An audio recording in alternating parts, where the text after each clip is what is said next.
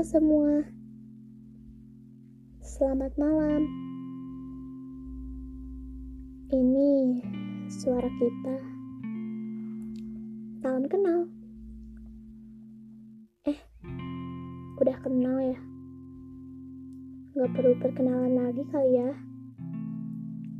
Maaf, malam-malam mengganggu untuk kenalan. Terima kasih ya sudah menyempatkan berkenalan dan mampir untuk mendengarkan podcast kita. Apa kabar semuanya? Ini sudah kuarantin hari keberapa ya? Saking lamanya sampai tidak tahu ini hari keberapa. Tapi yang jelas, semakin hari rasanya semakin rindu. Semoga bumi ini cepat membaik ya. Begitu juga manusia di dalamnya. Semoga kita bisa jadi yang lebih baik lagi. Mikirin podcast, apalagi pertama kali, benar-benar bingung sih. Topik apa yang bakal dibahas? Tapi akhirnya kita nemuin satu topik. Podcast hari pertama ini mau bahas apa ya? Friendzone aja gimana? Topik ini memang paling banyak pertanyaan sih. Seperti aku pikir aku menyukaimu dan aku hanya ingin tahu apa yang kamu pikirkan atau apakah kamu merasakan hal yang sama. Mengekspresikan perasaan kita kepada seseorang adalah pengalaman yang menakutkan dan juga menegangkan. Hal ini penuh dengan ketidakpastian, tapi hasilnya adalah sesuatu yang layak untuk ditemukan. Hmm, ngomongin friendzone, jadi ingat dulu kita bertemu melalui teman bersama sekitar tujuh bulan yang lalu. Beberapa bulan kemudian, kamu dan aku menyadari bahwa kita memiliki rasa nyaman. Kita berbicara tentang tujuan hidup dan juga aspirasi. Selain itu, kita juga berbicara tentang tipe orang yang kita sukai dan bahkan diskusi pelajaran. Hal-hal yang cukup mendalam untuk hidangan coklat coki-coki yang biasa-biasa aja. Kita belajar bersama dan nongkrong sepulang sekolah. Hal berikutnya yang kamu tahu, kita bersama hampir setiap hari. Semua temanku terus bertanya, apakah kita saling menyukai. Teman itu ada untuk membimbing kita dan juga mendukung kita. Tetapi pada akhirnya itu semua terserah kita.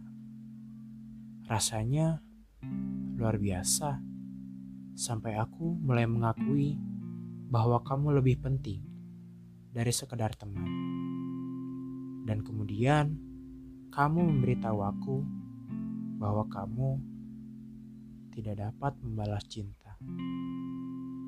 Sekarang kita terjebak dalam fase di mana kita bertanya-tanya apa yang salah. Aku menghabiskan satu bahkan dua jam untuk menatap diriku di cermin dan berpikir, apakah aku tidak cantik? Apakah aku tidak tampan? Apakah ada yang salah dengan tubuhku? Dan apakah saya tidak cukup? Terjebak friendzone memang menyebalkan ya. Walaupun aku gak pernah ngerasain itu, membayangkannya saja sudah ya satu hal yang perlu kamu ketahui. Aku ingin kamu tahu bahwa tidak ada yang salah dengan kamu. Tidak ada yang lucu tentang cara kamu berpakaian dan cara kamu berbicara. Kamu cantik dan kamu tampan. Terlepas dari bintik-bintik yang tidak pernah kamu sukai, atau bekas luka jahitan yang kamu benci. Ketidaksempurnaan kamu tidak membuatnya memutuskan untuk berteman dengan kamu. Itu juga tidak menjadikannya idiot karena tidak menginginkan kamu dengan cara yang sama seperti yang kamu inginkan. Mungkin kamu ditakdirkan untuk sesuatu yang lebih baik. Kamu ditakdirkan untuk bersama seseorang yang tidak hanya menikmati usaha kamu. Kamu adalah milik seseorang yang merasa hebat ketika dia bersama kamu dan merasa tidak enak saat kamu mencapai ambang pintu rumah kamu.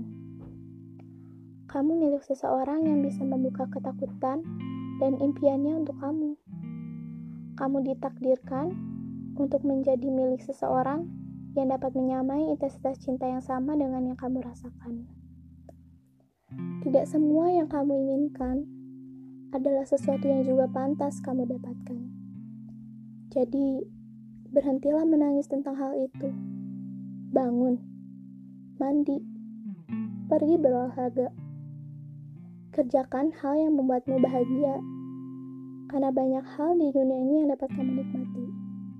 Berdiri, sekali lagi, untuk tidak menunjukkan kepada orang yang bersahabat denganmu bahwa dia kehilangan berlian. Berdiri dan bahagialah, karena kamu layak mendapatkannya. Kamu layak untuk bahagia saat kamu menunggu orang yang akan membuat kamu menyadari bahwa kamu diberkati karena kamu berteman. Ada lebih banyak hal dalam hidup daripada menjadi ramah. Jadi, jangan merasa sedih tentang hal itu. Kamu akan baik-baik saja. Kamu akan menemukannya ambillah satu gelas kopi ataupun coklat hangat. Lalu pergilah ke tempat yang sepi. Tidak, bukan untuk menyesalinya. Hal itu memang perlu disesali.